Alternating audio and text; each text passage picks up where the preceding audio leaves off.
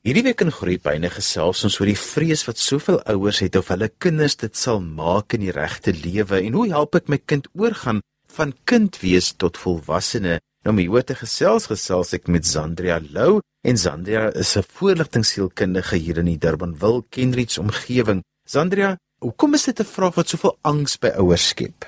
Môre Johan, baie dankie dat jy my hier het vanoggend. Hierdie bly 'n vreeslike relevante vraag vir ouers en dit is maar bloot omdat dit so 'n enorme verantwoordelikheid is om volronde verantwoordelike jong mensies wat hulle skoene in hierdie wêreld kan volstaan uit te stuur is. So dit is bloot menslik om van tyd tot tyd oorweldig te voel deur die omvang van hierdie groot verantwoordelikheid. Ons weet daar is so vreeslik baie op die spel en ons wil net ons bes te doen. So daarom dan al die angs. En dan help dit ook natuurlik glad nie dat ons sommer vandat ons kinders klein is, moet hoor wag maar net tot hierdie kindertjies tieners is, dan gaan die poppe eers dans, dan gaan dit baie moeilik raak. So ons het die verwagting dat dit moeilik gaan wees, terwyl dit eintlik glad nie die geval is nie. Die tienerfase en hierdie oorskakeling na die volwasse wêreld bring eintlik soveel pragtige elemente. Dit is dit was die tyd waarin kinders se individualiteit en hulle kreatiwiteit en hulle vindingrykheid hoogduif vier. En dit is eintlik bloot dood eenvoudig 'n groot genot om te sien hoe hulle met vars oë na die wêreld kyk. Die ander vraag natuurlik is, is hierdie angs geregverdig? En ek sal graag wil antwoord daarop dat ek dink tog dat dit is veral tot die mate waarin hierdie angs funksioneel is en ons help om van tyd tot tyd net weer te kyk en te herëvalueer of ons doelwitte en ons metodiek as ouers nog steeds op koers is. So ja, hierdie angs kan ons definitief help om die beste moontlike ouers te wees wat ons kan. Dit is slegs wanneer hierdie angs en hierdie vrese oorweldigend raak tot die mate waarin ons verlam voel en vasgevall voel en glad nie voel dat ons enige positiewe bydrae meer kan lewer nie wat dit 'n probleem begin raak en wat ons dalk self moet vra vir hulp om 'n bietjie uit die gat uit te kan kom. So uh in my ervaring Johan is dit dat spesifiek wanneer ons te veel verantwoordelikheid vir ons kinders se groei aanvaar wat ons oorweldigende angs beleef. Ek hou daarvan om te dink aan ouerskap as 'n vergelyking met tuin maak waarin kinders die plantjies is en ons as ouers speel vreeslike belangrike rol, maar net 'n enkele rol. Ons is hoofsaaklik die grond waarin kinders groei en dit is moeilik om te aanvaar en te besef en elke dag van vooraf weet te onthou dat ons maar kan oorgee aan die wind en die reën en die sonskyn en die maanlig om ook 'n bydrae te lewer tot ons kinders se groot word en hulle oorgaan na volwassenheid. Sandra, as kinders se oorgang van fases toe na nuwe fase toe, dan is dit altyd asof ouers ook altyd 'n bietjie terugdink in hoe dit vir hulle was en ek dink dis wat ook baie keer kan bydra tot die angs, juist die feit dat jy weet hoe jy dit ervaar het, maar jou kind gaan dit dalk op 'n heeltemal 'n ander manier ervaar. Johan, jy is heeltemal reg daaroor en daarom is dit vreeslik belangrik om nooit uit die oog te verloor dat ons in ons versuur moet hê wie elke spesifieke individuele kind is wat ons uiteindelik in die groot menswêreld wil instuur nie. Ons het nodig om ons eie vrese en ons eie herinneringe en ons eie drake uit die verlede te versorg en te sorg dat ons 'n platform skep waarin ons na ons eie emosionele en fisiese behoeftes kan omsien terwyl ons parallel daarmee ons oog het op die behoeftes en die uitdagings wat ons kinders in die oog staar. Sandra, ek dink dit sal soveel makliker gewees het as ek as ouer met sekerheid kon sê maar my kind gaan dit maak daar buite want dit is net so 'n abstrakte ding om te sê wat beteken dit nou eintlik dat my kind dit gaan maak daar buite? Absoluut Johan. Dit is dit was iets waarvoor ons baie bang is, maar eintlik dink ek weet ons instinktief dat daar nie regtig so iets is nie.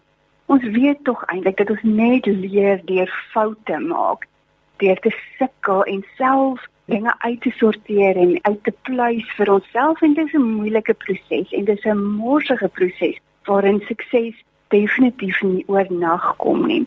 Maar ek wil graag my beroep op 'n ou vader van die sielkunde, Freud, wat al in die begin van die 19de eeu gesê het dat suksesvolle volwassenes het twee eienskappe. Hulle is mense met die vermoë om lief te hê en mense met die vermoë om produktief te kan werk. Nou dit klink na 'n baie eenvoudige stelling, maar dit is eintlik baie om die lyf. Die vermoë om lief te hê verwys na die vermoë om gesond en funksioneel in verhoudings te kan staan. En daar is 'n belangrike element in eerste plek 'n gesonde verhouding met jouself. Dis daar waar 'n kind leer hoe om gemaklik te wees met wie hy ook al is.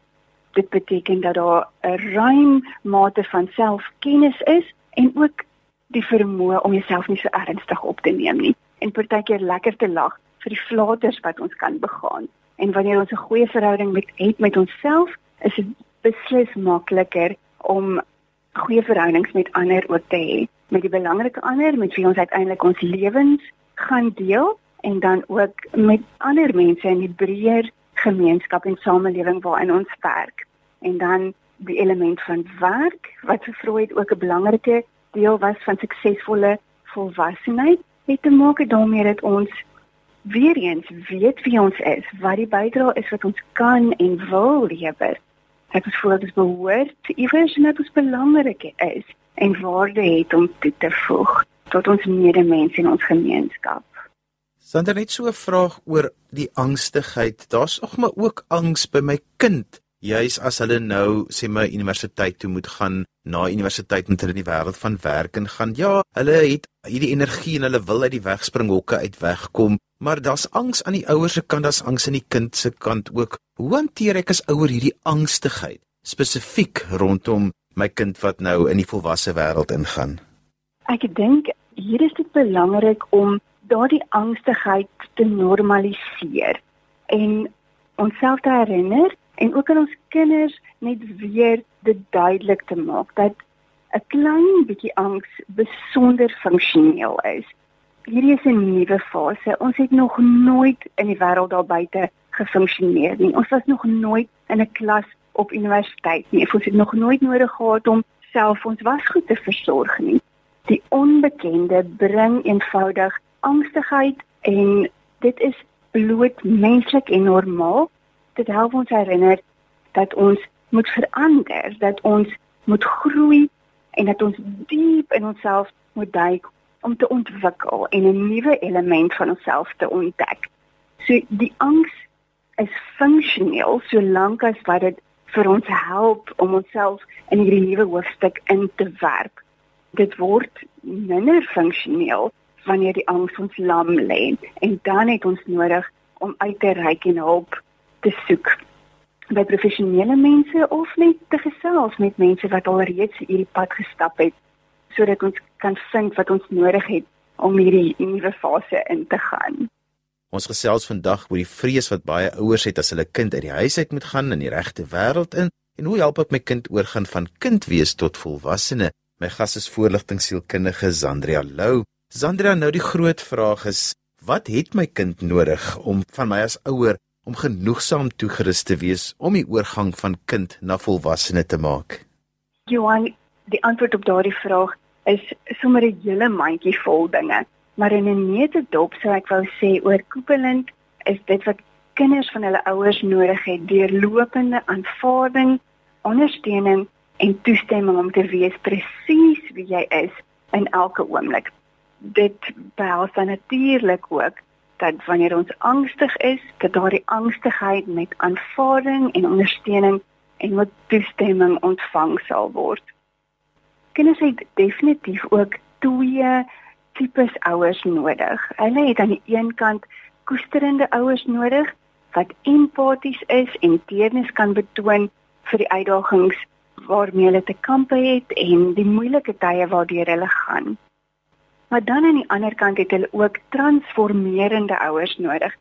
Die soort ouer wat vertroue uitstraal en glo in die kind se vermoë om oplossings te vind en in doelwitte te slaag en wel hulle innerlike dapperheid kan gebruik en bereik in die tye waarin dit nodig is.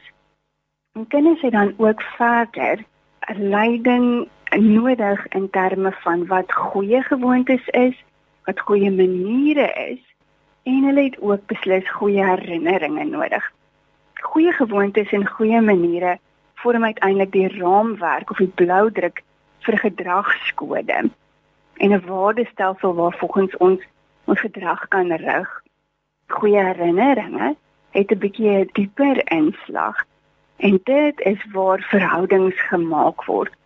Dit is die plek waar die gewone dinge soos skottelgoed was na 'n Sondagmiddagete of pizza aande op elke Vrydag aand werklik waar die dinge word waarin ons weet ons verhoudings geanker is, die dinge waarop ons verseker kan vertrou en die dinge wat verseker dat ons ouers beskikbaar en voorspelbaar vir ons bly. Sandra, die verhouding verander soos jy gesê het, mense het koesterende ouers en transformerende ouers nodig, maar nou gebeur dit baie keer dat my kind begin keuses maak waaroor ek angstig is en waaroor ek dalk wonder is dit in sy belang of haar belang, maar hulle bly nie meer onder my dak nie, hulle is nou daar buite. Dit maak dit tog al moeilik vir 'n ouer watter rol mens in so want jy bly die ouer van die kind. Beslis Johan, dit skep definitief 'n dilemma vir 'n ouer. En daarom is dit is twee dinge vir my essensieel hier. In die eerste plek hierdie ouer 'n spasie en 'n platform nodig waarin hy of sy self daardie bekommernisse kan gaan uitgesels en deurdink saam met betroubare en ou vertroude vriende 'n plek waar ouers self 'n bietjie kan stoom afblaas. En aan die ander kant is die belangrike element hier oop kommunikasie. Ek dink dit bly altyd 'n ouer se voorreg en verantwoordelikheid om bekommernisse, idees, gewaarwordinge eerlik en oop met kinders te kan deel en ook daar 'n platform te skep waarin keuses en opsies en moontlike gevolge goed deurgesels kan word. Hoopelik is dit uiteindelik wat ons bereik wanneer ons toegewyde ouers was vir 18 jaar of meer is dat daardie verhouding wel geskep is waar ons openlik en eerlik ons bekommernisse en ons vrese kan uitspreek terwyl ons ook nog in dieselfde asem die boodskap deurgee dat ons vertroue het in ons kinders se vermoë om hulle eie krisisse deur te werk en hulle situasies te verstaan en die beste moontlike keuses te maak. En dan het kinders ook maar altyd nodig om te weet dat wanneer dinge verkeerd gaan, dat die huis en spesifiek die ouer verhouding 'n veilige spasie sal wees. Daar sal altyd ondersteuning en begrip en 'n tweede kans wees wanneer jy huis toe kom en jou bekommernisse en jou vrese vir jou ouers bring. Sonder ouers wat gekies het om 'n autoritaire ouerskapstyl met hulle kinders te handhaaf terwyl hulle kinders nou nog in die huis was en ontwikkel het, Hulle is baie keer in die moeilikheid die oomblik as die kind uit die huis uit gaan, maar ook so ons helikopterouers wat basies alle keuses en besluite gemaak het namens die kinders en skielik is die kinders nou onder hulle beheer uit en dan is baie keer daardie kinders geneig om anderster keuses te maak en dan sit ons met 'n baie problematiese situasie. Verseker Johan, dit is definitief so. My keuse is gewoonlik maar om te glo dat dinge wel hulle self uitsorteer. Die traject lyk definitief anders en die, die verloop van dinge anders, maar uiteindelik bly die dinamika dieselfde.